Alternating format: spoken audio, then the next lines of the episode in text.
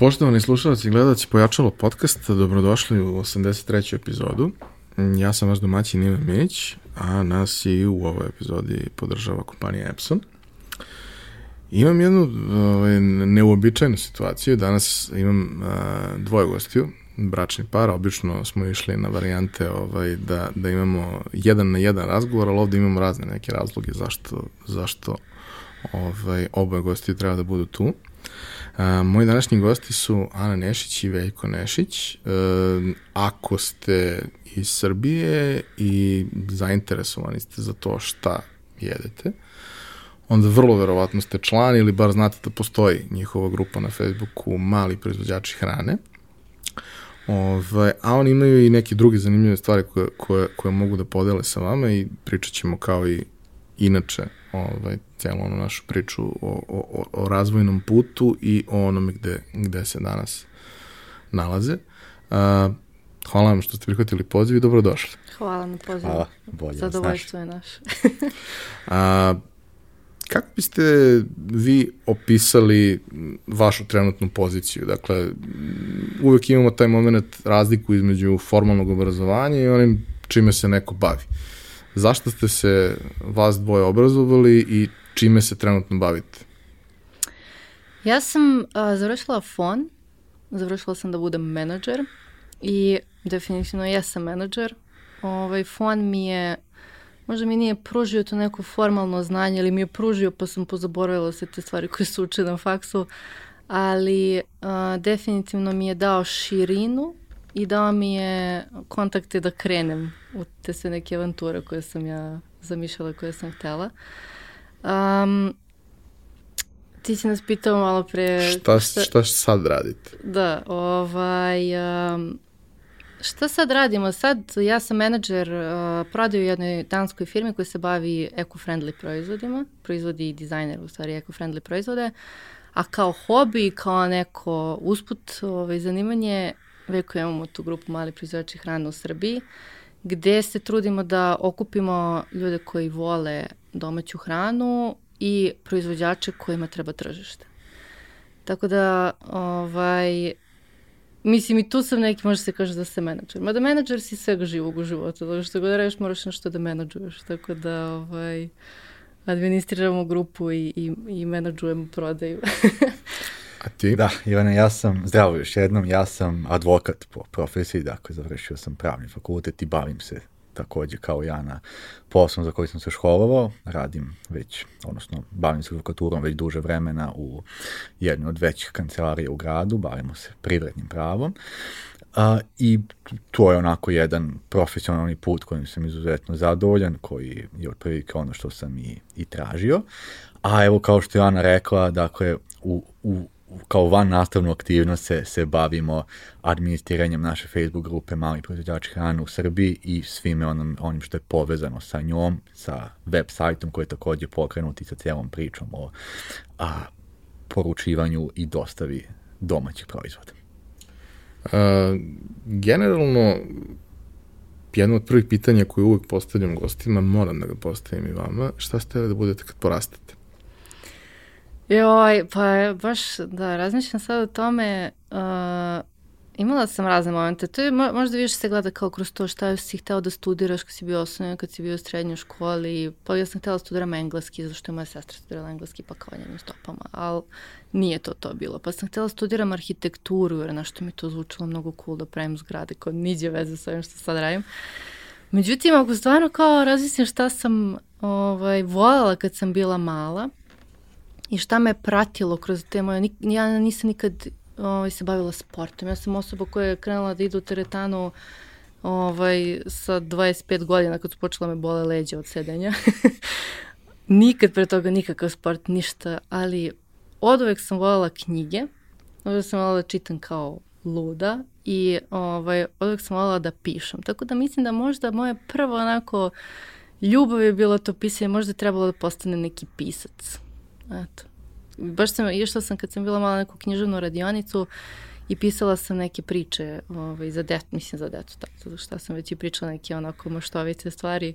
baš su bile cool i dobila sam nagrade za to, tako da ko zna možda jednog dana kad završim sa svim ovim nekim projektima, sedem pa počnem da pišem knjige, to bi Dobro, strah. mislim, pisanje ima svoju primenu u raznim delatnostima, storytelling je yes. najlepši alat u marketingu yes. i u prodaju, tako yes. da ima to sve neku svoju vezu. Zato i pričamo na, na ove teme. Mm. Vrlo često da vidimo kakav je bio tok misli, jer kod ljudi se često menja to tokom razvoja, šta su hteli da budu i šta da, ih je interesovalo. Da, da. I da vidimo negde u kojim godinama su sazreli. A i da vidimo taj moment gde kao kod ne tako malog broja ljudi ima situacija da oni dođu već u te neke, da kažemo, zrelije godine kad treba da se odlučiš za fakultet, ne znaju šta će, onda upišu nešto što može da prođe mm u svakoj varijanti i prosto negde volim da, da, da otkrijem moment kada se triggeruje to mm. nešto zbog čega ti kažeš, e, ok, ja sam sad našao nešto što mislim da mi je životni poziv. Možda da. nije, ne znam, vidjet ćemo, ali kao volimo da krenem od, od, od tako nečeg.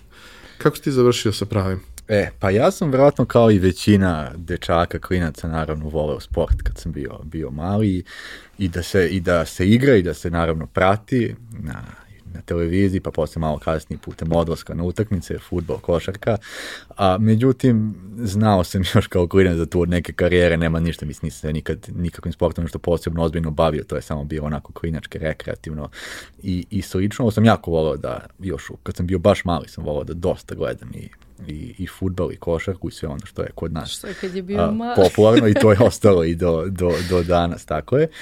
A što se tiče ove neke moje profesije kojom se, kojom se bavim, negde u nekom trenutku u, u gimnaziji se to onako kliknulo, a, malo uz neka raspitivanja i, i slušanje iskustva nekih ljudi, malo uz gledanju nekih, nekih a, serija američkih, tad je tad je ad, advokatura, čini mi se da je kod nas prevedena serija advokatura bila aktualna, poslije onaj Boston Legal i, i, i tako je. Tako Dve najbolje serije na tu temu. Tako je, tako je i u svakom slučaju a, malo eto kroz, kroz neko, neko praćenje tih serija ne onako uopšte pasionirano, ali dovoljno da se, da se malo dotakne, dotakne cela ta tema, a sam se, sam se odlučio za, za pravo, čak ne u tom trenutku ni konkretno za advokaturu, već samo za, za pravo kao, kao a, fakultet i kao obrazovanje, a onda je nekako kroz početak rada u advokatskoj kancelariji koji je došao potpuno slučajno još pre završetka fakulteta, se, se a, jednostavno to, to sve nadovezalo i došlo do zaključka da se u toj korporativnoj kulturi vidim i eto taj zaključak me, me i, i dan danas šest i nešto godina kasnije drži. A inače, a, smatram se prilično srećnim što mi se čini da sam, eto, kao što sam rekao, ubo to nešto što mi, što mi jeste poziv i mislim da je to, da je to baš onako super svaka čovjek uspe da se, da se pronađe u, u, u nečemu, čemu god, a još pre tog vremena sam nekako imao, i, ali to je bukvalno bilo na nivou, na nivou nekih onako maštanja i diskusija, da, da kako bi bilo super da se pokrene nešto što otprilike liči na ovu našu Facebook grupu koju imamo. Kako bi bilo dobro da imamo neku direktnu povezanost između proizvođača, ljudi sa sela i kupaca u gradovima i kako to može na mnogo a, bolji način da se uredi nego što je prosto odlazak u supermarket i kupovina tu šta treba i eto, drago mi je što posle toliko neko vremena smo eto sada,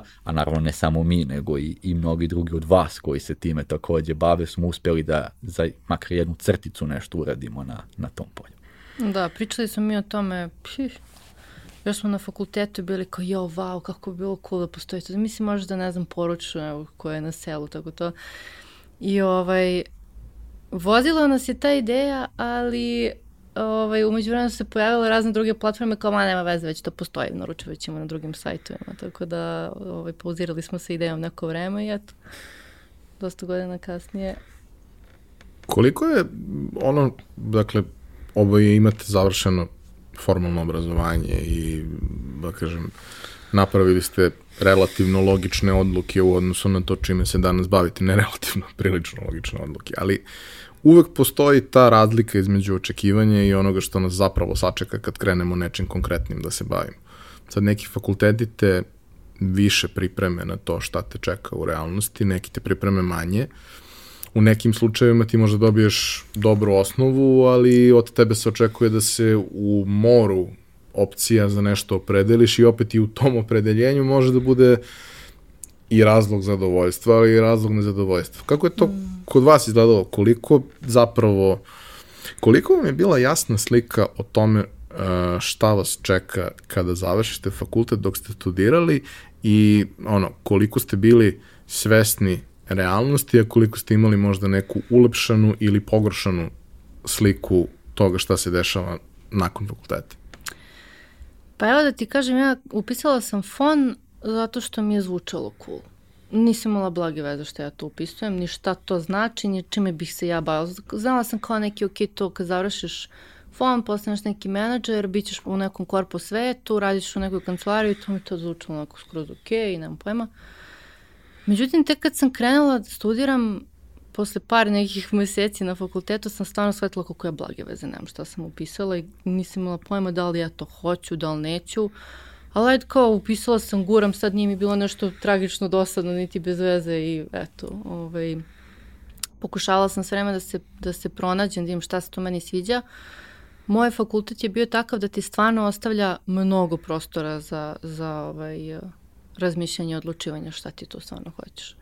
Što je meni ovaj, predstavlja u stvari ogroman izvor frustracije, jer uh, da, kao super imaš gomilu varijante, ako joj, ja ne znam šta ja hoću, ja nemam blagi veze, kako, kako ću ja sad da odlučim, svi ovi ljudi znaju šta hoće, vidi ova, ne znam, osoba hoće da se bavi financijama, kako on zna da hoće da se bavi financijama, veku koji su zonu, ja hoću da budem pravi, kako, brate, kako to se znaš, tako. Uh, I ove, ovaj, ja volim, pošto sam spomenula, volim da pišem i stalno cijel život pišem neke dnevnike baš sam našla neki, neki dnevnik sa fakulteta, bukvalno ono, 50% stvari u kojima ja pišem kako sad ja da odlučim šta treba. Tako sam sebi možda u stvari bez razloga nabila neki pritisak gdje ja moram da smislim šta ću da radim i to je to, ja moram da sad, kad završim faks, ja moram da znam da li ću se bavim HR-om, salesom, marketingom, ovo ono.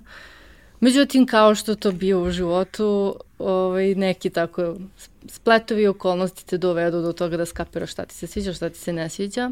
Pa sam ja krenula da se bavim marketingom, prvo sam bila u, u tom digitalnom marketingu, što kapiram da ono, velika većina ljudi koji završavaju ovakve fakultete kao moj, ovaj, krenu sa time, pa nekako opet put me, uvek me vodio ka komunikaciji sa ljudima. Non stop tako nekako tim pravcima imali su me ljudi gurali u to koji su mi bili poslodavci ili kolege. I ovaj, na kraju sam zapravo završila u, u priči gde mi je gde god u stvari da se nađem, ja uvek nešto komuniciram s ljudima, uvek nešto mi je zadatak da vodim neke klijente, da se nešto s nekim dogovoram. Tako da eto, mislim da je ovaj, u skladu sa tim mojim obrazovanjem koje, me, koje mi je, opet kažem, dalo mi je neku širinu, dalo mi je da mogu da, da, da steknem utisak o tome kako, kako funkcioniš, kako izgledaju organizacije. Ali sve ostalo nekako bilo na osnovu tog nekog mog puta koji se tako biluje kako, kako ideš pa ti se dešavaju neke okolnosti i usmeravalo me to šta, koje sam ja neke suštinske moje karakteristike ličnosti imala, tako kroz to me vodio put. Tako da ne, ne znam, ne mogu da kažem da je to sve nekako zahvaljujući fakultetu, više to zahvaljujući, naravno fakultet i da neku priliku da se zaposliš negde, a onda ispliva to šta si ti pa kao To je onaj problem kada ono, uh, osoba koja je prilično svestrana ode na one testove za profesionalnu orientaciju, završi i kaže možete sve. E, hvala, e, baš ti hvala. hvala. Da, Najbolje utrošenih tri sata da, u mom da, životu. Da, tako da nije. Ovaj, ok, ti si se opredelio za vrlo konkretnu stvar, a, a mislim, ono kao, ideja sa kojom si došao, mislim ideja, ja bih volao da se bavim advokaturom kad bi to izgledalo kako izgleda u Americi. Mislim kao potajno sve mi želimo da budemo Dan Crane u nekom trenutku, ili makar Alan Shore. Ove, ili. Uh, ali to zapravo izgleda potpuno drugačije. I generalno, tvoj fakultet važi za nenaročito interesantan i nenaročito aktuelan. A opet to čime si opredelio da se baviš je nešto što je prilično aktuelno, moderno i sofisticirano u današnje vreme. Kako ide ta tranzicija? Pa mislim da je pre svega bitno da se pravni fakultet shvati kao jedna zaista osnova za ono što ide dalje i zaista kao baš, baš početak. Neki drugi fakulteti možda i pruže za nijansu veći upoj, uključujući Janin po nekom mom mišljenju u a, praksu, u nešto što čeka a, studenta posle, posle studija. Ja sam pravni uvijek doživljavao kao osnovu, kao nešto je neophodno, zato što za razliku od nekih drugih oblasti gde formalno obrazovanje nije nužno, nije a, nešto što je neophodno da bi se nekim poslom bavio, u pravu, pravo suđe naravno potpuno suprotno od toga. Moraš formalno da imaš fakultet pravni da bi mogao da budeš advokat, sudija ili neka druga pravosudna profesija i a, mislim da je, da, je, da je bitno shvatiti fakultet na taj način, dakle kao jednu osnovu koja treba a, da se pre svega teorijski, ako se uspe malo čapnuti neke prakse, tim bolje, a postaviti dakle osnove za ono što želiš da budeš dalje, a onda kad izađeš na to neko tržište, na taj neki, a, a, u taj neki pravosudni sistem, zavisno naravno opredeljenja, onda se, se dalje usavršavati a, onime čime, čime želiš da se baviš. Konkretno, ova moja korporativna advokatura zaista a, ponekad može da malkice zaliči na ono što se gledalo po, po serijama. Dobra stvar toga je što a, je saradnja dakle sa stranim advokatima, pa čak i tim američkim o kojima smo, koje, koje smo gledali na TV-u nešto što se dešava, manje ili više redovno ili često, tako da se od tih ljudi, od tih ogromnih sistema može nešto naučiti, pokupiti, a videti kakav je to pristup poslu, pristup kolegama, klijentima i slično, šta, kakvi su to e, dani i noći koje se ponekad provode na, na, na predmetima. I moram da kažem da a, eto, ta, ta naša advokatura malčice ponekad i, i ume, da, ume da zaliči na, na ono što se, što se može videti u, u, u serijama i da se nekako, eto, naravno kome je to lepo i zanimljivo, ko to voli, a to svakako nije, nije ogroman broj ljudi, a može biti nešto izuzetno, izuzetno uzbudljivo i prijemčivo. To je, to je moj stav o tome.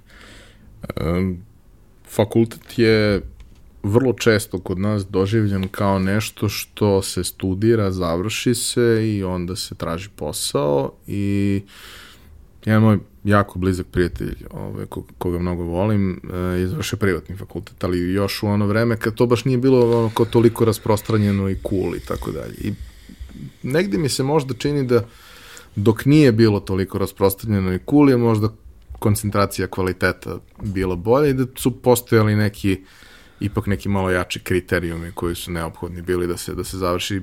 Sećam se razgovora, mi smo slična generacija i on mi je objašnjavao kako jedna od najvažnijih stvari koje on naučio u životu, a studirao je management na privatnom fakultetu, je čuo na prvom predavanju na kom je bio iz menadžmenta, gde mu je jedan poznati profesor i veoma cenjen u, u struci, njemu i ostalim kolegama na kraju svog predavanja rekao, Deco, jednu stvar samo treba da imate u vidu, odnosno kolege, verovatno, jednu stvar treba da imate u vidu. Ako studirate ovo i imate sve te prilike koje se dešavaju već od druge, treće godine sa praksama i sa svim ostalim. Ako studirate ovo i nakon fakulteta treba da tražite posao, negde ste nešto pogrešno uradili. Mm već tada treba da se pozicionirate i od, od starta treba da razmišljate o sebi kao proizvodu koji je na tržištu i treba da gradite kontakt, treba da gradite, yes. vi treba da se opredelite gde ćete da radite, ali bi bilo super ako ne morate da jurite posao, nego da imate opcije od kojih birate.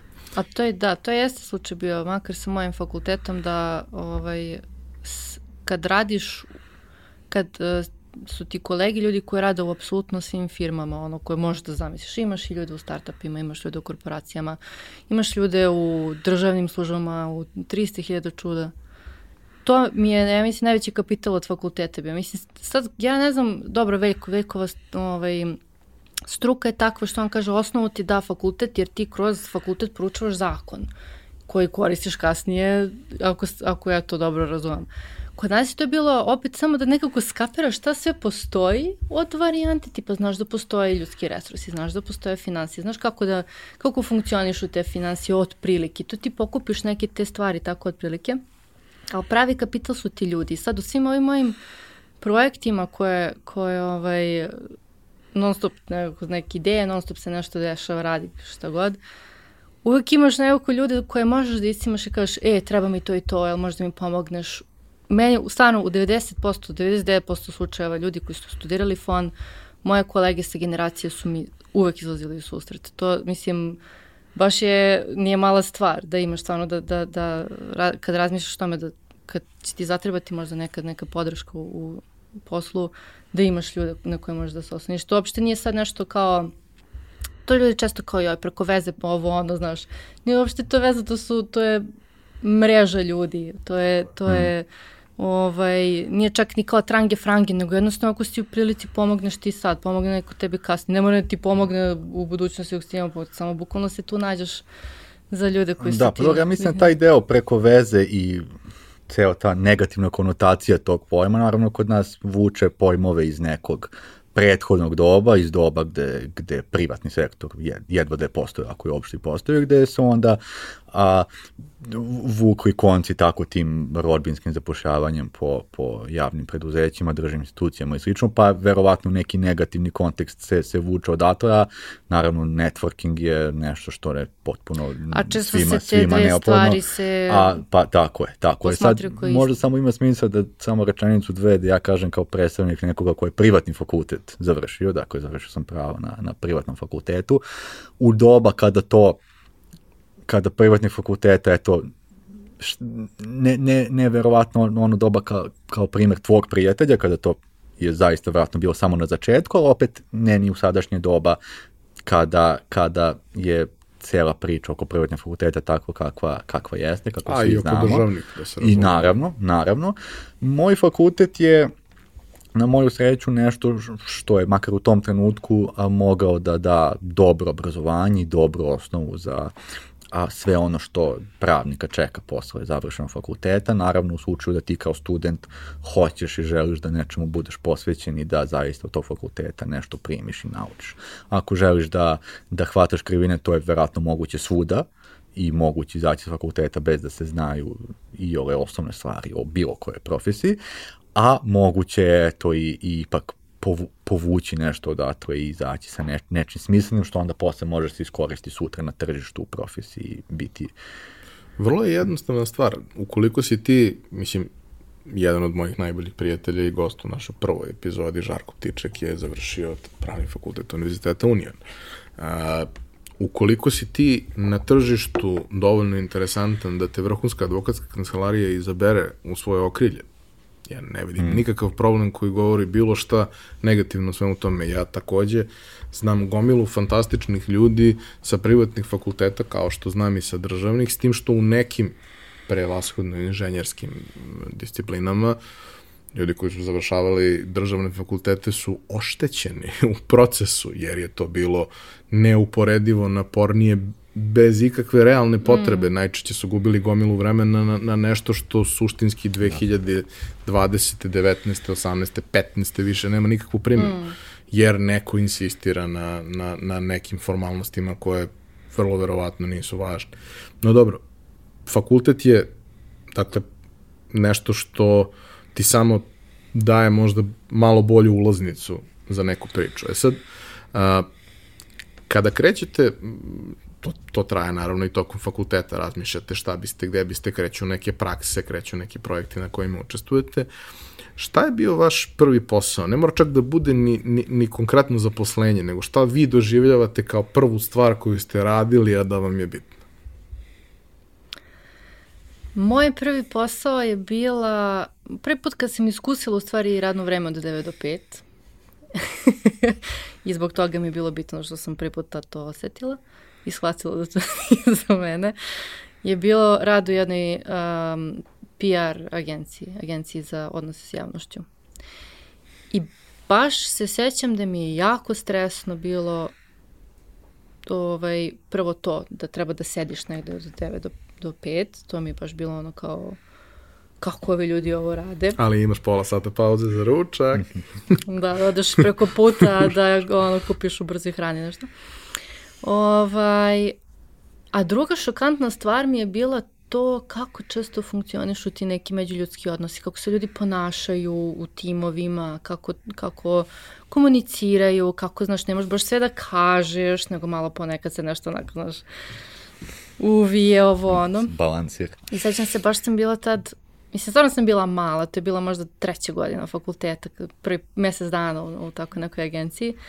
Agencije su baš, baš umeju da budu heavy stvar, onako, znaš, baš se radi se, što se kaže. Mašine za mlevanje mesa. Da, i ovaj, sećam se svaki dan posle posla ovaj, ja izađem i šetam prvo pola sata da se malo izduvam, da, da, da vidim gdje sam, pa tek onda idem na bus kući. Ovaj, tako da eto, to je moje prvo vredno iskustvo. Bila, bila sam, mnogo sam bila onako mala sam bila, bila sam stidljiva, bila sam onako sam bila frka od svega i ovaj kako ću ja da pričam sa svojim ljudima, šta ću sada da kažem, kako da napišem mail, što sve treba sa, kako, kako da se ne izblamiram i ostalo. Ali ovaj, Pre toga sam imala neku iluziju da bi ja volala da se bavim PR-om, to mi nešto zvučalo cool na tim predavanjima i onda sam shvatila da ipak neću da se bavim PR-om, tako da eto. To je moje prvo vredno iskustvo. I tako je nekako išlo, u stvari to izvinjam se što ovaj, nastavljam, ali uh, moj, moj uh, put ka tome da otkrivam, na primjer, da volim da se bavim komunikacijom s ljudima u smislu tim vođenjem klijenata i prodajom i tako to, išao je kroz to da sam maltene metode eliminacije. Znači, probam PR, ne sviđa mi se. Probam marketing, ne sviđa mi se. Probam, ne, I onda kao dođu do, i kao, evo mi je okej. Okay, kao u kvizu neko. Da, da, da. S tim što malo kad ideš metodom eliminacije, kad ponestane opcija, već počinješ kao, da, nadam malo, se da će bar jedna od ove preostale dve da, da, da, da, da proradi. Da, da, da. da. Ti si tokom faksa krenuo sa praksom. Ja sam, tako, ja sam imao neke, neke mini prakse u toku fakulteta, ali a, još pre završetka fakulteta sam počeo da radim u kancelariji gde sam i, i danas, kao neki pred, pred advokatskog pripravnika a, i nekako jedan od glavnih utisaka mi je, mi je bio, baš to ona kaže to od 9, od 5, de, od 9 do 5 radno vreme, a prvi dan koji sam, kada sam otišao na posao, bio petak možda pomalo neobičano, sam imao neki ispit u četvrtak i dogovorili smo se da dođemo u, u petak na posao.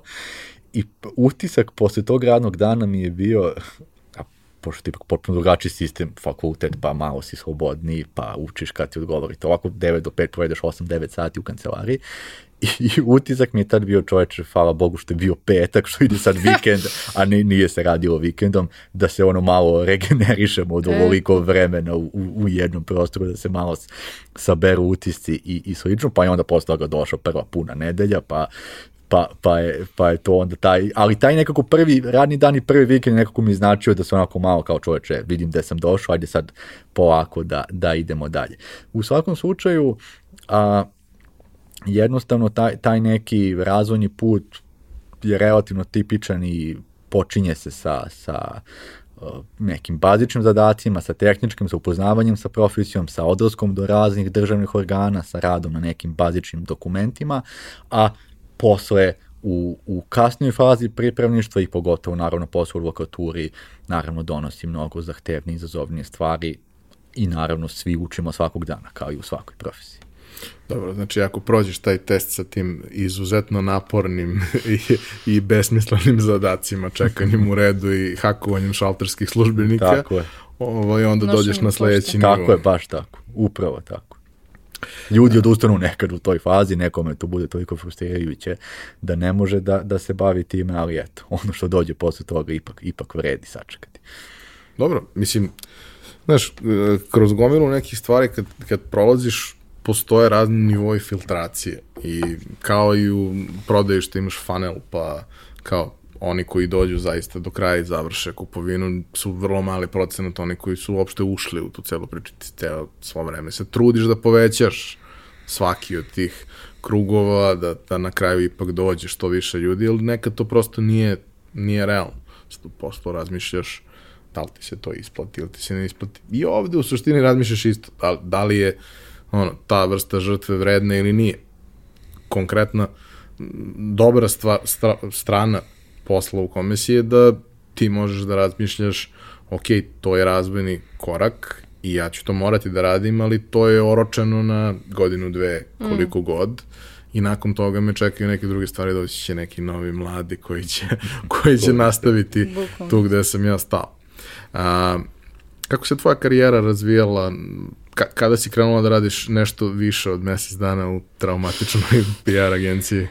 E, pa, m, posle toga, ovaj, isto pred kraj fakulteta sam se zaposlila u uh, agenciji za digitalni marketing koja se zove The Guardian. Mm. Ovaj, to mi je bilo jedno baš, baš lepo iskustvo, baš sam voljela da radim tamo.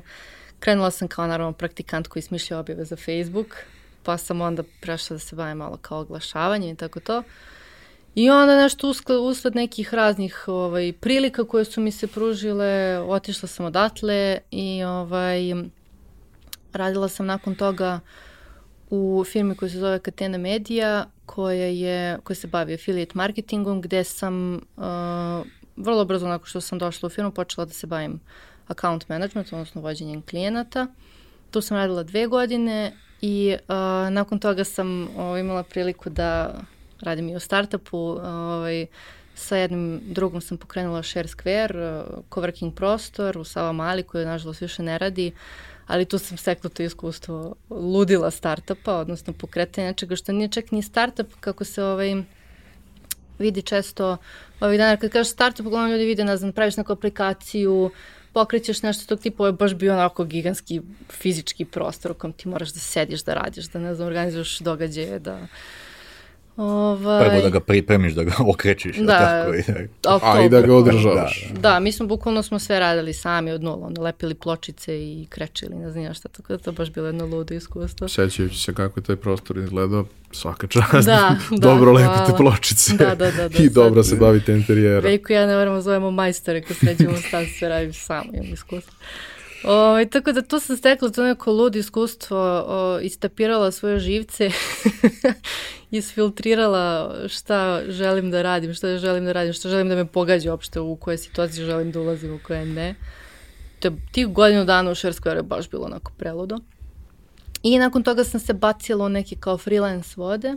O, počela sam da tražim klijenta ovako individualno, bez zapošljavanja konkretnog u neku firmu. Uh, Jer zapravo kroz te rad u Share Square-u sam, ljudi su dolazili tu, freelanceri, da, da rade, da sede, bilo su ono što, što ne radim i ja to, kad već, ok, mislim, šta, šta bi mi falilo.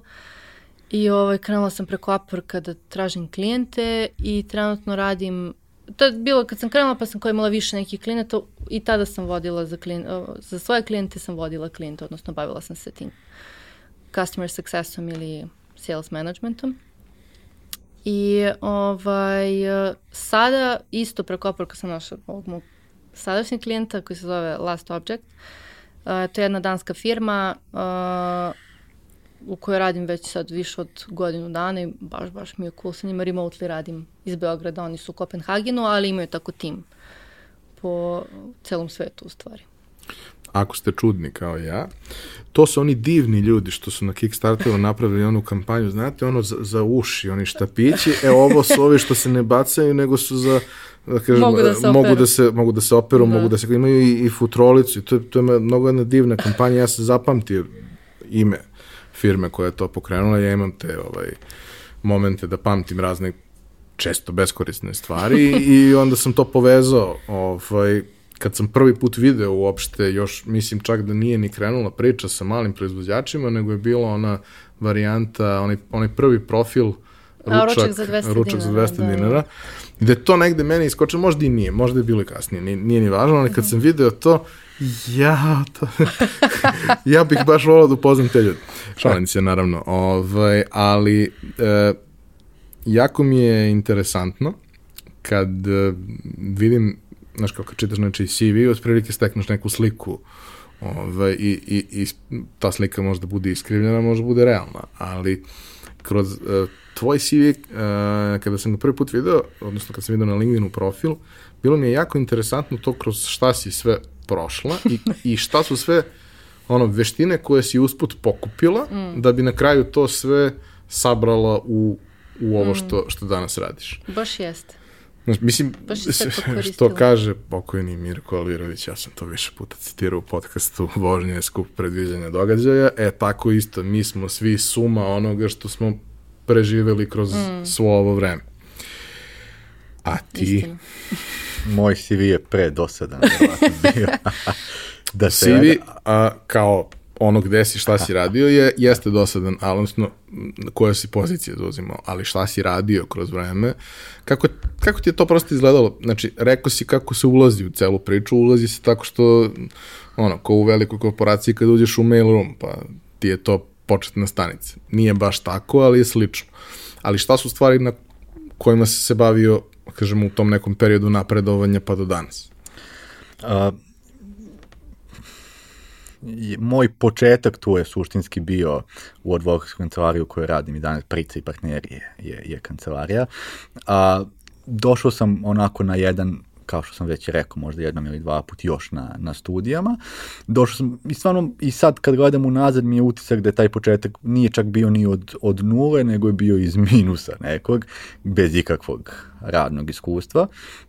I a, sam početak i neki period dalje od, od samog početka je bio pun kako upoznavanja sa sistemom rada jedne kancelarije, naše konkretno, a, odnosa sa kolegama, odnosa sa klijentima i tu su onda polako nadovezivali neki a, bazični zadaci. Je sad u, u advokatskom pripravništvu je to Dakle, često odlazak do različitih državnih institucija, sudovi, agencije za privredne registre, katastri i tako dalje i tako dalje. Kao što si rekao sam, borba sa šalterskim službenicima, često izuzetno naporna, teška, a ponekad deluje besmislena, ali nekako ipak izađe neki rezultat iz toga, dobiješ taj papir koji treba tebi ili koji treba klijentu i za, kojim ćeš onda da se hvališ da budeš srećan što si izbunario, tako nešto. A onda se na to polako nadovezuje i, i nešto ozbiljniji rad, pre svega u smislu komunikacije sa, sa klijentima. Ja sam imao tu sreću da sam a, za razliku od možda nekih drugih sistema počeo relativno rano da ulazim i u direktnu komunikaciju sa klijentima, prvo pod nadzorom stare kolega, onda u nekom trenutku i, i samostalno. A, I to je nešto kroz šta se i tekako može naučiti kako i sam posao, tako i generalno te veštine a, ophođenja koje su neophodne u praktično čime, čime god da se, da se, da se baviš. A, posle toga se na to nadovezalo polaganje pravosudnog ispita, nama, dakle, posle dve godine prakse u advok advokaturi a, sleduje a, polaganje pravosudnog ispita. To je jedan onako a, zanimljiv i živopisan do, događaj u životu svakog advokata. A, to je ispit koji je onako borba zaista boriš se sam sa sobom suštinski tu, jer je ispit koji ne, je toliko obiman da se nikako ne može savladati u potpunosti i držati svaka crtica u, u glavi.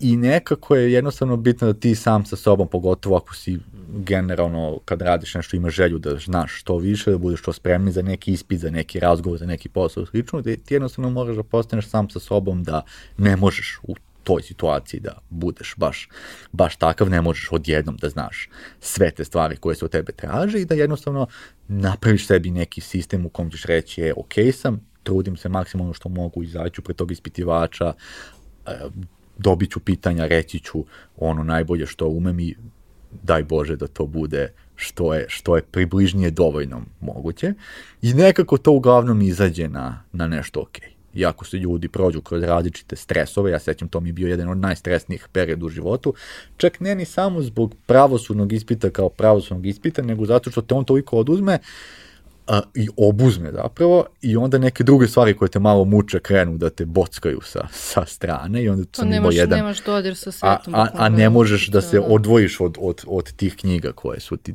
tu na, na, na stolu ali se sve to da, da proći, preživeti, a nagrada je to što postaješ ipak nekako svoj čovjek, svoj profesionalac i onda možeš dalje da nadovezuješ na svoju karijeru na to. I kada si položio, šta su bile neke, mislim, ok, nećemo da ulazimo sad u pretrano detaljno u samo pravo, jer ne verujem da ima mnogo pravnika i oni koji su pravnici, oni slušaju vjerojatno neke podcaste sa pravnikim. ovaj, ali šta su neke najinteresantnije stvari koje si radio? Šta ti je stvarno bilo cool kad, kad si već došao u poziciju, ne sad baš zvuči to malo pogrešno, ali razumet ćeš šta hoću da shvatim, šta hoću da kažem, ne sad da nešto biraš, radiš ono što treba da se radi što je klijentu potrebno, ali šta je nešto što ti je najinteresantnije, jer zaista u tom pravu ima fantastično zanimljivih stvari. Ima sjajnih stvari i najinteresantnije mi je definitivno bilo to što sam imao priliku da budem deo nekih od ozbiljnih i ovako na nivou naše zemlje poznatih transakcija i poslova koji su se, koji su se dešavali.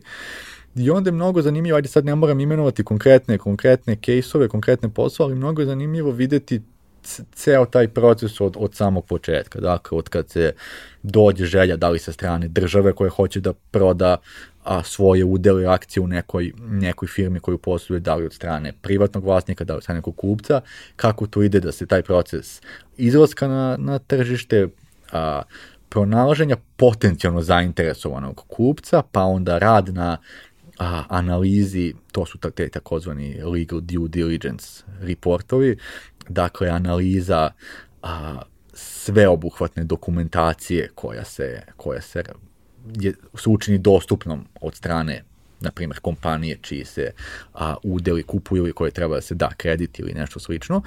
I onda iz te sveobuhvatne analize ti da kad kao advokat dobiješ neku gomiletinu dokumenta koje gledaš i koje, koje ti treba da proanaliziraš i da a, izađeš da staviš na papir osnovne podatke u svemu tome, ali opet a te podatke takođe treba da pretočiš u nešto čitljivo, u nešto smisleno i u nešto što posle može da se odrazi u dokumentaciji koja će se dešavati na, i ko, koja će se potpisivati vedano za, za tu transakciju. Dakle, taj jednostavno posao, to da radiš sa jedne strane nešto što je a, popularno i što se tiče firmi za koje svi znaju i koje može čak da utiče na život manje ili više svih nas.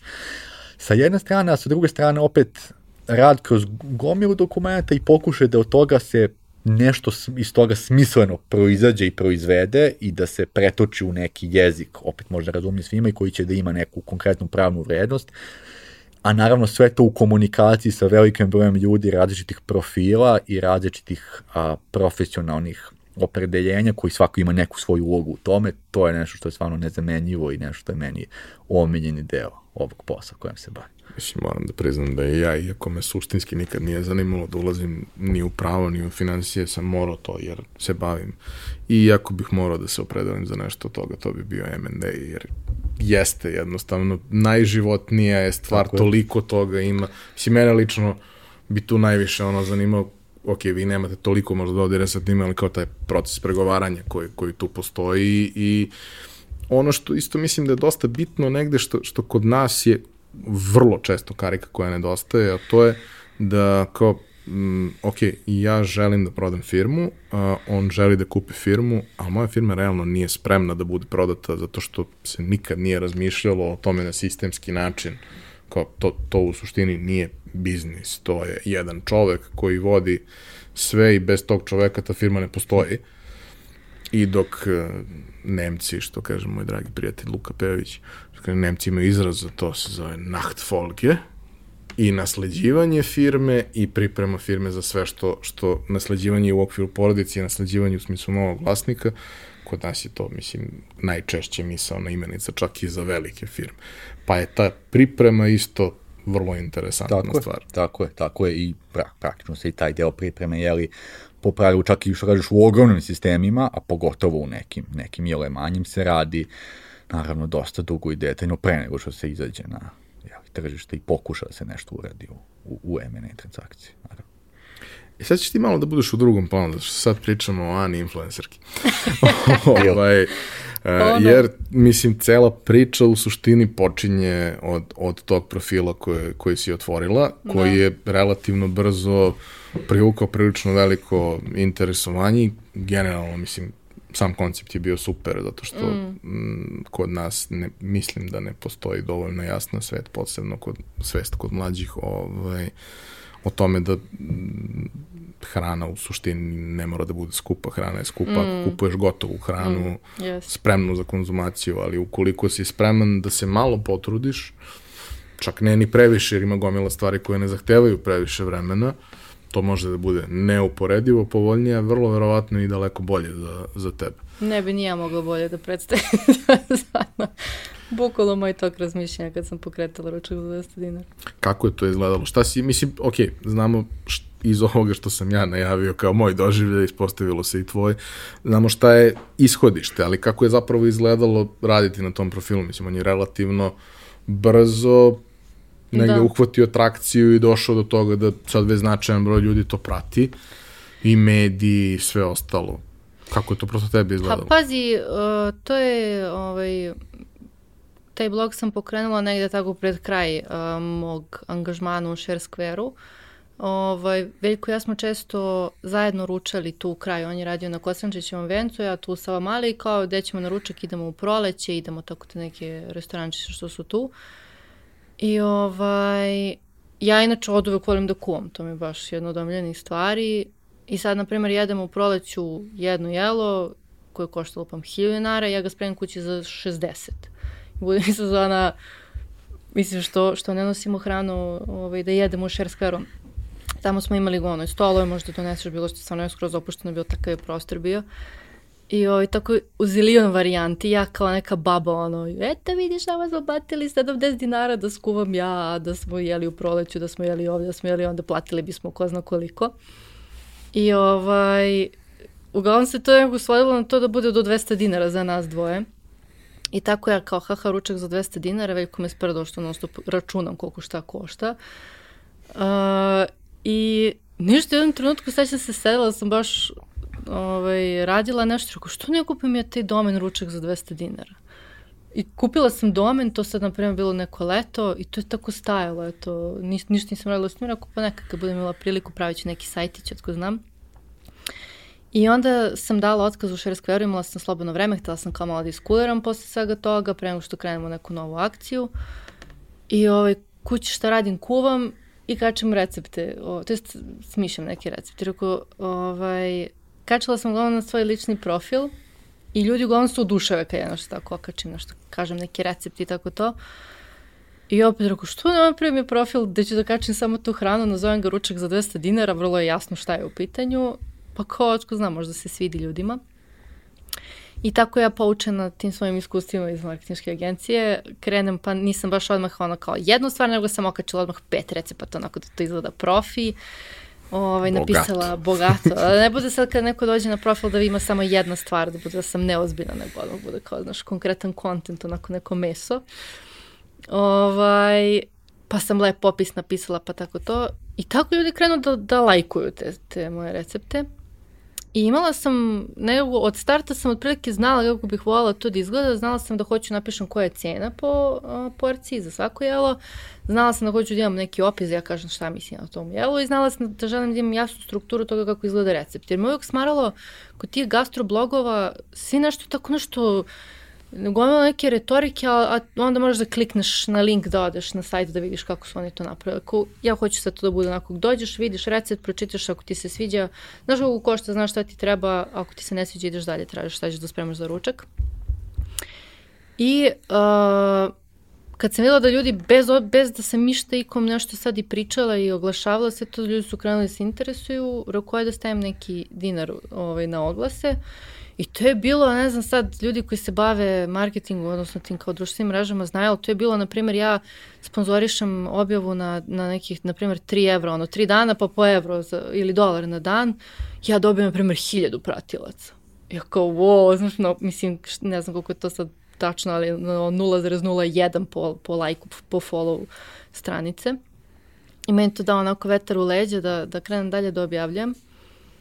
A ovaj, kad je hrana u pitanju, stvarno imam nepreslušno mnogo inspiracije i kao stvarno ništa mi nije problem da, da, smišljam. Kao svi, kao je, otkud tebi ti ideje? Rekao, brate, kako vi nemate ideje, kao hrana, baš je super. O, hrana je jedna divna stvar koja mora se konzumira svaki dan. Pa, Jeste, da. to, to dosta forsira da imaš Tako ritam. Je.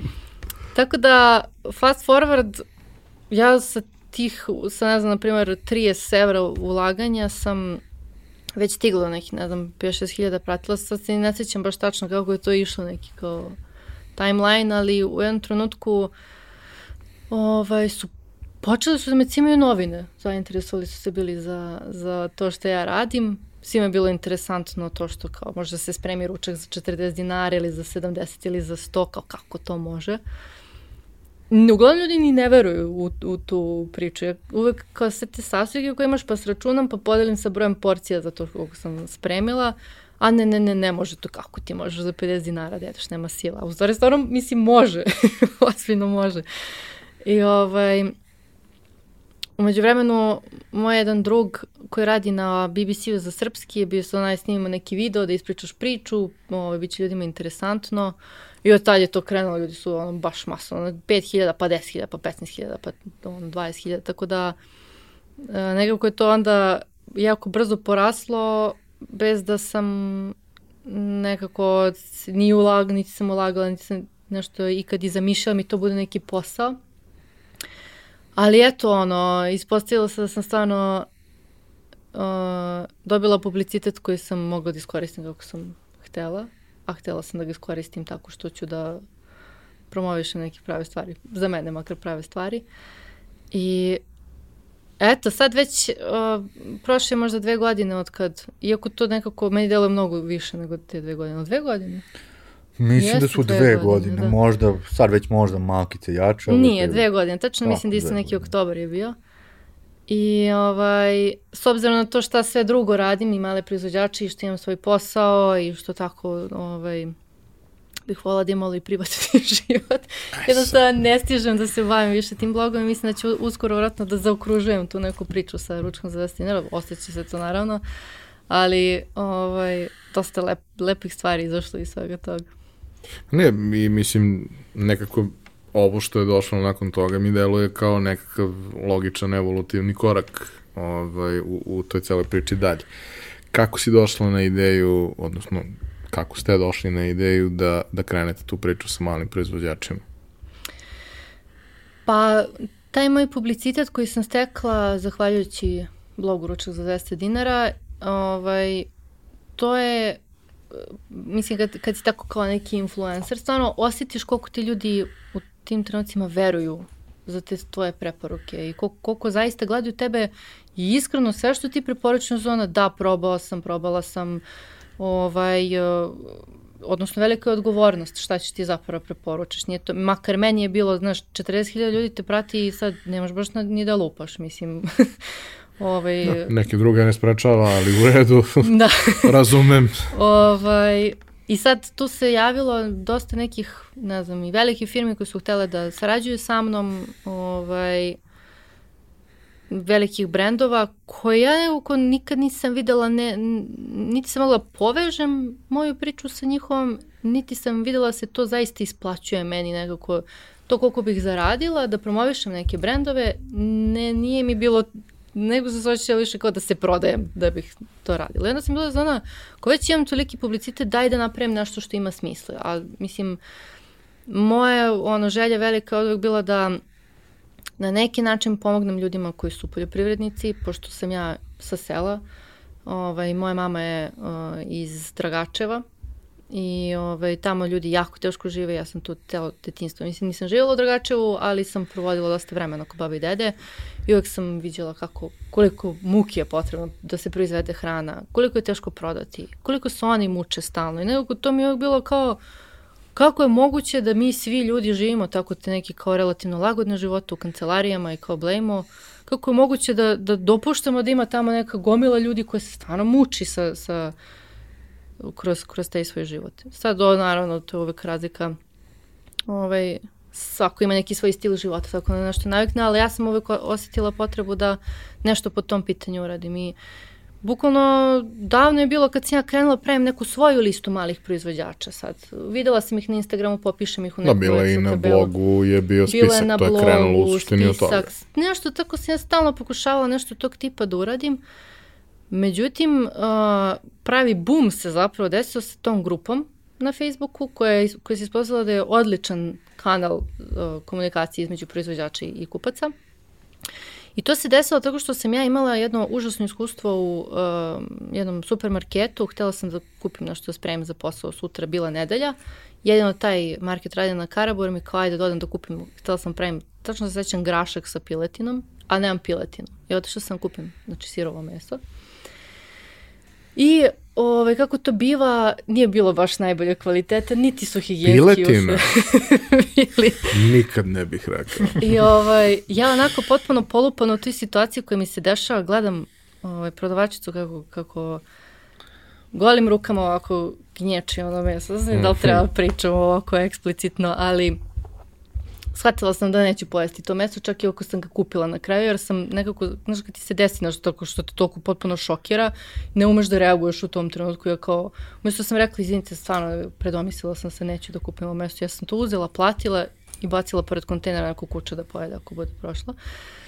I onako šokirana tim svojim iskustvom, ovaj, jer, mislim, cijela atmosfera tog marketa i sve to što se dešava, kao sve što znamo o hrani i ništa mi ne ide u glavu. Kao zašto, zašto se ovo dešava? Razumem, zašto sam uopšte u prilici da, da, da kupujem na ovako mesto? Zašto, zašto je ovo dozvoljeno? Za, zašto ne postoji neka druga varijanta? I sad ja podelim tu priču na blogu, na ručku na Instagramu i ovaj, napravim onako baš ga za biberin kako sam ga predstavila ja To je što, što mi idu, idu mi dobro reći. marketari, ja. I ovaj, počne mi se javljaju ljudi sa svojim utiscima, sa svojim iskustvima iz takve markete. Ajde, Traumama. ok, ajde, potrošači, pa kao ja, bilo mi bez veze, ovde bilo, ali ljudi koji rade, koji su radili u marketima, koji ti kažu kako se prave ćevapi, kako se prave, kako se čuva to meso, šta se radi sa njime. Pravi ljubitelji kobasice i virešla se nikada ne pitaju šta ide u nju. Da. Pravi ljubitelji nikad ne kupuju kobasice. Ok. Ovaj, I ništa, ja sam bukvalno, to je bila i sezona, to je bilo pred našu svadbu. Me, znači, sezona je bila 20. oktobra, nije mi stvarno palo na pamet, tad krenem da se bavim malim proizvođačima, ali sam osetila pravu priliku da se nešto pokrene. Jer tačno je bio to taj impuls koji će voziti neko vreme ovaj, tu priču. I rekao, ajde sad, znači treba da se spremam za svadbu, a ću pokrećem novi projekat. Ja, a Ali- Klot Grašak to nikom ništa. Ma kakvi. I ovaj... I ništa suštinski nisam ni tad planirala da pokrenem grupu na Facebooku. Međutim, uh, bila sam zona, to je to, sad mora se pokrene neka baza, sad ću to da objavim na sajt. I uh, pošto sad imam sajt svoj u WordPressu, nije sad nekako nejednostavno napraviti tabelu. Jer nisam imala pojma, znaš, ni, ni neko da mi preporuči plugin, da li to nešto treba se, da se kodira otkud znam. I ima ova grupa Upwork Srbija, ja tu okačem ideju da hoću da pravim tu tabelu na svom sajtu, može neko mi pomogne, bla, bla, bla. I sad javim se hiljadu ljudi, svi hoće nešto da pomognu. Jedan od komentara je bio, sad ne znam ko je to bio, možda bi mogla da nađem osobu koja u stvari ide i nic tvorac malih proizvođača, lik koji je napisao, a što ti ne napraviš grupu na Facebooku, ako ti ne napraviš to, napravit će neko drugi kao, šta mislim, kao glupo ti da praviš to na sajtu. Ja rekao, u suštini isprozivao me što praviš na sajtu, što napraviš grupu, I ja umesto da se naljutim zato što me isprozivao, ja napravim grupu na Facebooku koja se zove Mali proizvođač hrana u Srbiji. Krenem da pozivam te ljude sa moje stranice, sa bloga, sa Instagrama da se priključe i sad u startu tu bude na primjer 3000 ljudi se odmah priključi I sećam se prvi, prvi ovaj, moment je bio neka žena koja je proizvođač i kao, e, evo ja ću sad prvo da krenem, ja ću da ponudim, ne znam, imam džemove, imam ovo ono, ja kao, jo, my little baby. Ljubav. I ovaj, eto, the rest is history. A, generalno, za većinu biznisa tog tipa, uključujući i, jedan od biznisa koje, u kojima sam ja partner, kao što je, što je moja pijaca, ove, cela ova situacija sa koronom je drastično pozitivno uticala, jer su ljudi ono, morali da promene neke svoje navike, a dobar deo ljudi je i krenuo malo više da razmišlja o tome šta zapravo unosi u sebe, jer uh, ono, odgovor imunog sistema nije isti kada se on svaki dan bori sa nečim iz hrane što ne bi trebalo mm -hmm. unositi i kada imaš ovaj, relativno kontrolisano poreklo mm. svih namirnica koje nosiš. Poseban problem je uvek taj moment što navika je uvek mm, ono nešto što, što, i što ide prvo i ljudi nisu navikli na ukus hrane koji možda nije ovaj, ono što se kupuje u marketu. Ja se sećam kao klinac, isto sam išao na selo i kao taj moment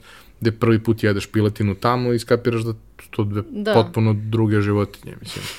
I sad ova, ova je možda bolja, ali si ti navikao na onu i, i to je problem. Isto tako, recimo, ne znam, razlog zašto sam ja odlučio da pokrenem pijacu, iako je pijaca pre svega ideja mog partnera a, Veljka. A, razlog zašto je to meni bilo kao je zašto ja šest meseci nisam mogao kupim Granny Smith jabuke, nigde koje su bile dobre. Jer kao nema. Znaš, mm. mislim, na, s vremena na vreme naleti, tad kad naleti ja jedem Granny Smith dok se ne mm. onesvestim, mm. ali onda šest meseci ne možeš da nađeš nigde da to liči na nešto. Stoji, mislim, da. isti, ista stvar piše, ali to nije isto voće. Mm. Verovatno jer nije uvezeno sa istog mesta. E, ali sad samo ću da kažem dve stvari. Prvo da ljudi takođe imaju loš imunitet na čekanju u redovima. Ne vole da čekaju u redovima, pošto je bilo ovo, jedna od stvari koja se desila kad se desila korona. I to je, mislim, da je bio jedan od razloga zbog kojih su ljudi počeli da traže alternativne načine da kupuju Pa dobro, nisu ni mogli da čekaju u redovima, je bilo ograničeno koliko zapravo možda budeš napolju. Tako, da, još, još, jedno od, još jedan od razloga. A druga stvar je što a, ne navike samo u ishrani, odnosno možda ljudima znaš, jedna je stvar da si naviku na nešto, druga je stvar da uopšte imaš priliku da, da probaš nešto drugo, ali više navike u načinu, načinu kupovine. Znaš, jer čini mi se da nije bilo korone, ne bi ljudi uopšte ni ne bi se iscimali, ne bi uopšte izašli iz svoje zone komfora da probaju neki, neku alternativu. Jer uh, bilo je uvek, bilo, uvek će biti entuzijasta koji će da probaju tako i druge, druge ovaj, dobavljače i druge načine kupovine, ali sad ih je onako priteglo, bilo je kao malo se napravila neka kritična masa da prebaci da onda i ostatak ljudi vidi da može to da se radi na neki alternativni način, što u ovom slučaju direktna kupovina od proizvođača. Naravno, i dalje smatram da to nije najsrećnije rešenje, s obzirom na to da je u pitanju Facebook grupa koja je opet poprilično nestabilno slabo možemo da kontrolišemo što šta, ali za sad šljaka, tako da ovaj, nije loša varijanta. Možda Veljko može da ispriča kako ti izgledalo za vreme korone, kako je uopšte Pa to? da, mislim, ja mogu da budem potpuno iskren da priznam da nisam očekivao da će efekat biti takav, kao što si ti sad super sumirao korone. Moram da priznam da sam mislio da će ljudi u tom potpunom ludilu na svim osnovama biti kao daj samo da odem, da odem u market da kupim ono što mi treba, to su bili oni redovi prodavnicama, ono pražnjenje rafova sa toalet papirom i, i, i slično, da će samo da daj da pokupujemo sve iz, iz hipermarketa, da imamo u frižideru za mrezivaču i pustiti sad i male proizvođače i ljude sa sela itd. itd. Međutim, stvarno se desilo nešto potpuno drugačije, a desilo se da je naša grupa, eto, u tom trenutku buknula zaista. Znači, ona imala neki normalan rast u tih prvih svojih 5-6 meseci do korone, bišu bio nekog prometa, kupali smo mi, kupali smo neki drugi ljudi i onda se desila korona i onda se desilo pre svega to zatvaranje pijaca, što je malim proizvođačima bio jeli, blokiran mm. jedan, jedno veliko tržište, a naravno, eto, očigledno su i, i, i kupci suštinski reagovali, a tako da su suprotno onome što sam sad rekao, što sam ja mislio, su, a kao što si ti rekao, hteli da čoveče, znači, tu je ta korona, uh, hoću da se potrudim da se zdravo hranim, da budem što zdraviji, da ako mi zakači to rešim kako treba, ajde da vidim šta, šta, mi se tu nudi kao neka alternativa i spoj tih par stvari plus ta osnova koju smo mi na, u toj Facebook grupi već napravili došao do toga da se zaista za ne, on, tih nekoliko meseci korone u martu, aprilu, maju, a sve u, umnogostručilo na grupi. I broj proizvođača, i broj kupaca, i uopšte broj članova, i cela ta komunikacija i promet. I tu su praktično postavljene osnove i u našem, kao i u neki, nekim drugim biznisima i platformama, koje je to i sada kad je korona makar malo utihnula, makar što se tiče te medijske prisutnosti, a samim tim prisutnosti u ljudskim umovima, da se ne lažemo, traje, traje i dalje. Dakle, grupa i dalje tu, postoji ozbiljan promet preko nje i nekako na, želimo da verujemo da su te navike koje su možda i silom prilika stečene u, u tom martu i aprilu sa tim zatvaranjem, da će potrajati i, i nadalje. Meni je taj jedan moment tu bio uh, vrlo značajan. Mislim, pritom ja sve gledam iz neke prilično iščašene perspektive, jer sam ja zaglavljen u Teksasu kome u principu sve funkcioniše i mislim ne možeš da ideš u restorane, ali možeš pika po restoranima, marketi rade do 9, dugo vremena se nisu ni maske nosile, u nekom trenutku su postale obavezne. Mislim, Texas ima to jednu lepu osobinu da je mnogo veliki i da u principu social distancing je po defaultu, svako ima svoju ogromnu mm. kuću, ogromno dvorište, ogromni auto i ti nemaš kada se družiš s ljudima. Zato se i nije širila korona ni izbliza toliko brzo koliko mm. na nekim drugim mestima. Kao, znaš, u Njujorku što se, što se korona širi, pa zato što žive kao mravi, bukvalno u zgradama. da, da, da. Ovde to ne postoji. Ali gledaš to sa strane, naravno, s jedne strane i zbog cele priče sa, sa, sa mojim pijecom i sa svim ostalim i e, vidiš nekoliko stvari koje su potpuno neverovatne. Prva, ok, zatvorene su pijace, nije to dobro, ali nije ni neočekivano u, u datim okolnostima. Ali onda vidiš velike sisteme koji apsolutno nisu bili spremni da odreaguju na to ni, ni u nekom minimalnom obimu. Sad, naravno da ne možeš ti ako ti nije osnova bila da radiš dostavu, a imao si i to kao opciju mm -hmm. da neko naruči nešto, ne možeš sad ti da povećaš broj dostavljača sa 3 na 100 u roku mm. od dva dana. Da. Ali tri meseca kasnije ti si i dalje na ona tri dostavljača mm. od kojih su se dvojica razboleli. I kao veliki lanci, ni jedan ne radi, gomila nekih rešenja tog tipa takođe ne radi. Znam i za neke slične biznise kao, kao što je pijaca da je to bilo takođe vrlo velika ekspanzija i mi smo i iz ličnih razloga što kao shvataš da se baviš esencijalnim stvarima koje su ljudima neophodne za život, pa onda ćeš da ostaneš i duže na poslu i svi će da poginu, mm. samo da se sve to izdešava kako treba i na vreme, ali mi je potpuno neverovatan izostanak ono, sposobnosti velikih da se adaptiraju u odnosu na bilo šta. I isto šta mm. su mi rekli, recimo, dosta uh, proizvođača koji, ajde, nisu toliko mali čim su prisutni u lancima, mm -hmm kao onog trenutka kad je krenulo sranje, tog trenutka su prestala sva plaćanja. Mm -hmm. Za svaki slučaj. Mm -hmm. Ajde mi da vidimo, mm -hmm. sačekamo 3-4 da, da, da, da, meseca, pa ćemo onda da vam pustimo te sve fakture. I bukvalno ti si kao proizvođač u toj celoj priči paralisan. Ovi Na koji više su, strana. Ne? Da, ovi koji su po Srbiji i koji imaju, da kažemo, razne neke opcije, pa se zajedno udruže, pa teraju to na, na pijacu zajedno, pa mm. naš imaju neku varijantu. Uh, sad sve to može da funkcioniše i peer-to-peer, odnosno bukvalno sa fizičkim licima, ali je mnogo teže i potpuno je drugačija organizacija, mm. ali su ti ljudi našli način.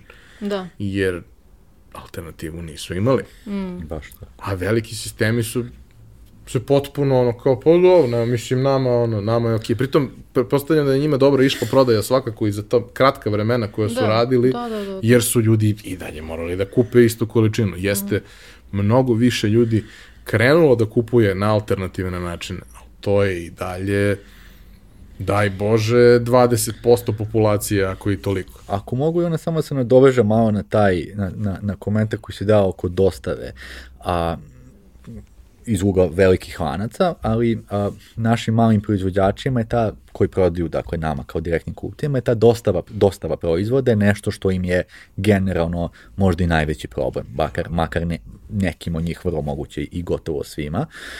Sa jedne strane, oni su često te proizvode šalju kurirskim službama, što je po više osnova problematično. Prvo, same te kurirske službe često pruže neadekvatnu uslugu, a drugo, proizvodi su često kvarljivi i ne bi ni smeli, niti trebalo da se šalju kurirskim službama, onda sa samom tom dostavom često bude da li si kod kuće, da li će kurir da se potrudi da, da te sačeka ili kako već. Druga opcija mi je bila da oni dođu sami a, u Beograd i u neki drugi veći grad gde imaju dosta kupaca, a to je opet, makar iz ugla Beograda, često nesrećno rešenje, a, izgube ceo dan, a vožnja po Beogradu je u na sva druga mesta, pogotovo na selo, dakle su oni proizvođači pa kao.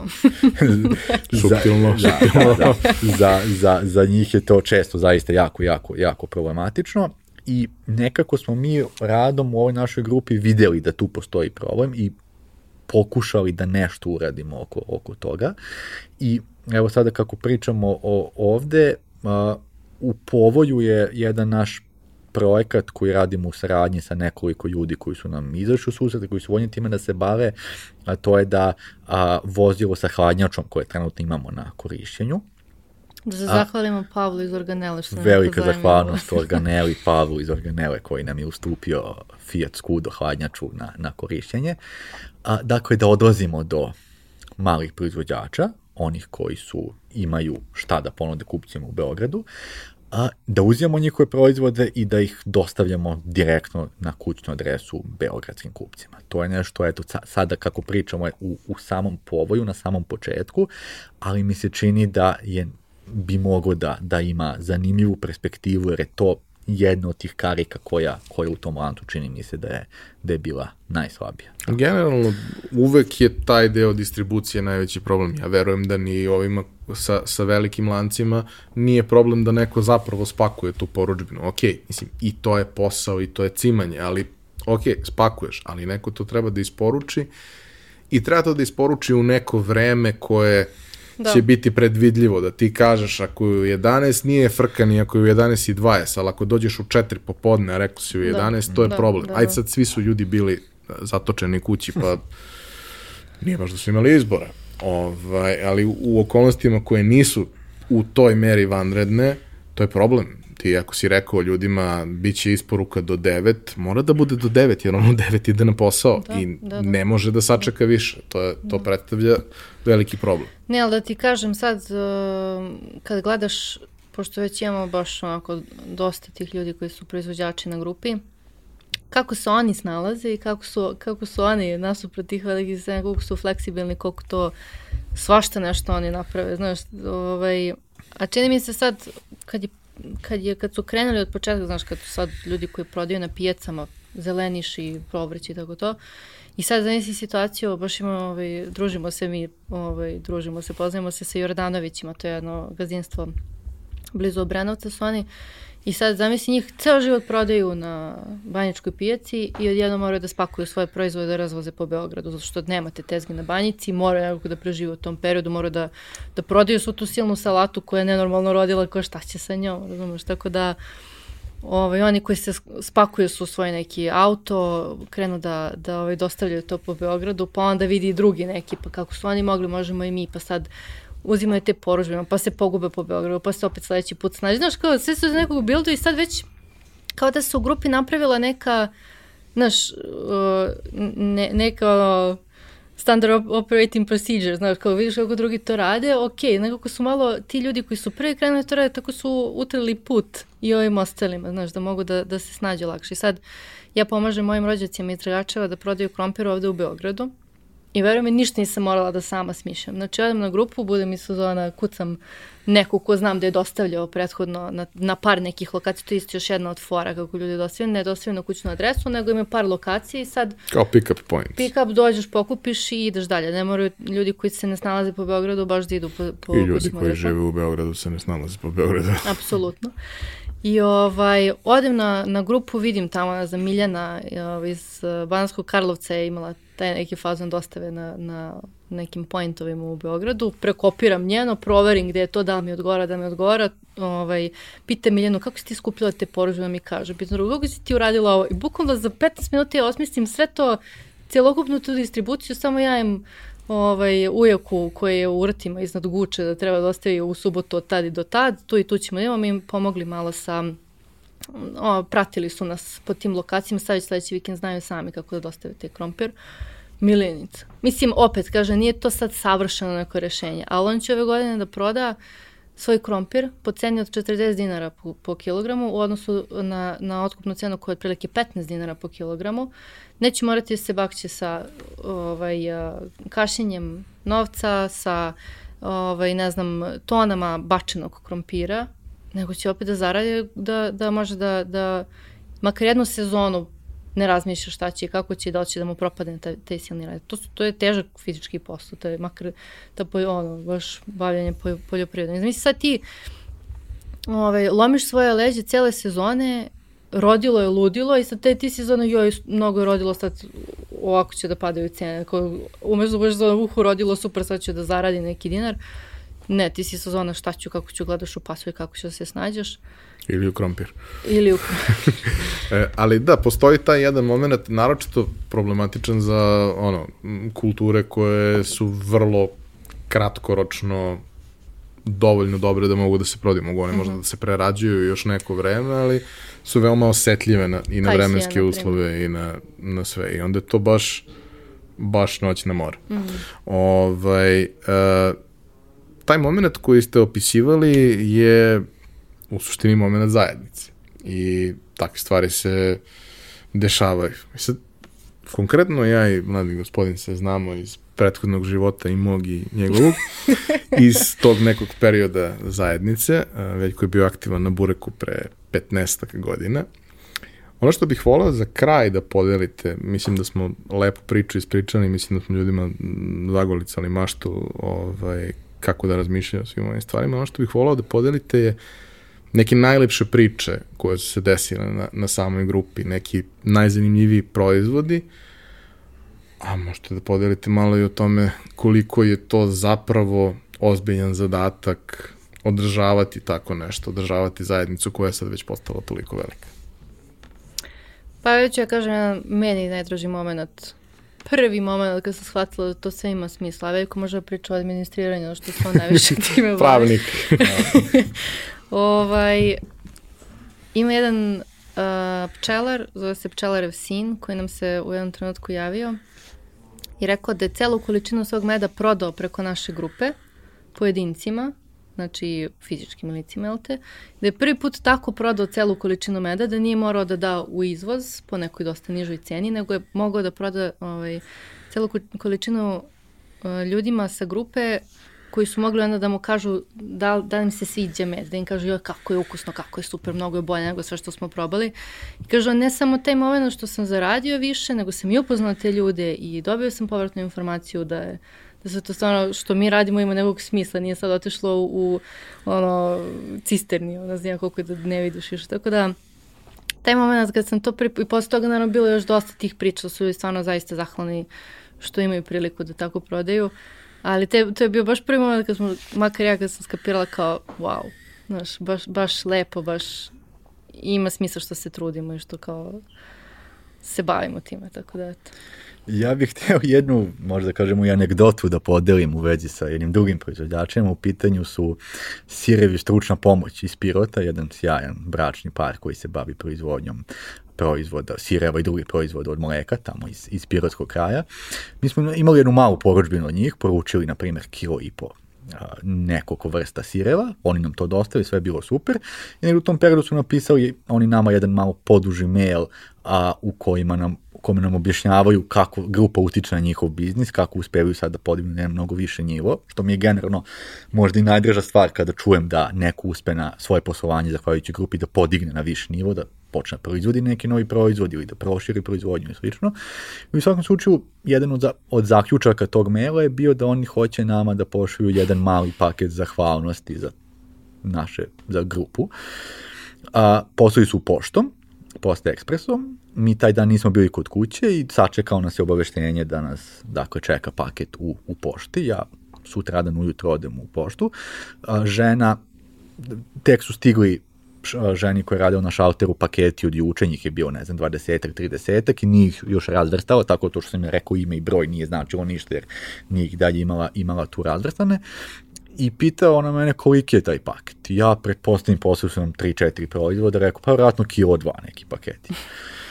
I žena gleda, gleda pakete te veličine i ne može da nađe i on ono, ima, mora da ih počne da ih razvrstava, da ih sortira tamo i sad to što ja čekam nema veze, ona žena kreće po paketima, daje ima one brojeve, pečatira i samo u jednom trenutku, posle 15-20 minuta pri kraju cele te priče, dođe do jednog paketa onako jedan kub meta, meta me. kub meta. to, to, dođe viljuškarom do jednog paketa. I kaže, pa kao šta ti meni jedan, dva, ljudi su nam 11 kilograma sira, kajmaka, a, različite vrste mlečnih proizvoda posao i mi smo to naravno odmah. Ja idem dobiš 10 ja, kila kačkavalja. Ja idem na, na, na posao, nosim ljudima u kancelariju, nosimo roditeljima, komšijama, ostavi za nas ono par kila pola da ne propadne to. Pola humanitarne svrhe, pola pokloniš, pa i dalje imaš. Eto, eto, kao jedna anegdota, kažem, taj deo gde ljudi svoj biznis podignu na viši nivo, zahvaljujući nečemu što smo mi, eto, makar malo doprineli mi je ne, neopisivo drag, a administriranje grupe, naravno, suludo je da, je, da u ovom društvu ja pričam o tome, jer si ti neko ko... Ja sam mator. Ko je, ko je, ko je, Nisu stvari kao nekad. Ko je pionir toga, ko je pionir toga, je tako, u, u, na našem internet nebu, ali u svakom slučaju, eto, ja se sad malo bavim tom, tim administriranjem Facebook grupe, odobravanje, a, objava, čitanje komentara i gledanje da li tu nešto može što ne treba da, da bude na grupi. Posle onako pipav, stresan, za nekog manje, za nekog više, ali... Za mene više. za, ali, eto, nekako trudimo se da pustimo komentari, diskusiju kada, kada god je to moguće, a komentarisanje cenje, cene proizvoda je nešto nekako najpipavije od svega, jer ljudi to nekad urade možda i ne u lošoj nameri i možda onako iz neke onako potrebe ljudske da kažu, e čoveče, ovo ti je prejeftino, ovo ti je preskupo i slično, ali se iz toga toliko često izrodi loše diskusije da mi sad imamo pravilo da su cene proizvoda, osim u nekim situacijama gde sam proizvođač možda hoće da čuje utiske ljudi o ceni proizvoda i mišljenje, da mi to ne dozvoljamo. Jednostavno proizvođač, proizvođač je slobodan da formira cenu, a sama grupa i samo tržište će mu reći da li je ta cena ok ili Da, nije. mislim, Na najvažnije je dana. da ne bude cena inbox, jer onda... Da, ne, Da, da, to ne onda to, dozvoljamo. to je, naravno, i to je deo pravila. Pa, tako. Ne dozvoljamo to. E, pa hvala vam, ljudi. Hvala Super je priča koju ste nam ove, Hvala ispričali i nadam se da će više ljudi krenuti putem ljudi koji su se već navukli na grupu.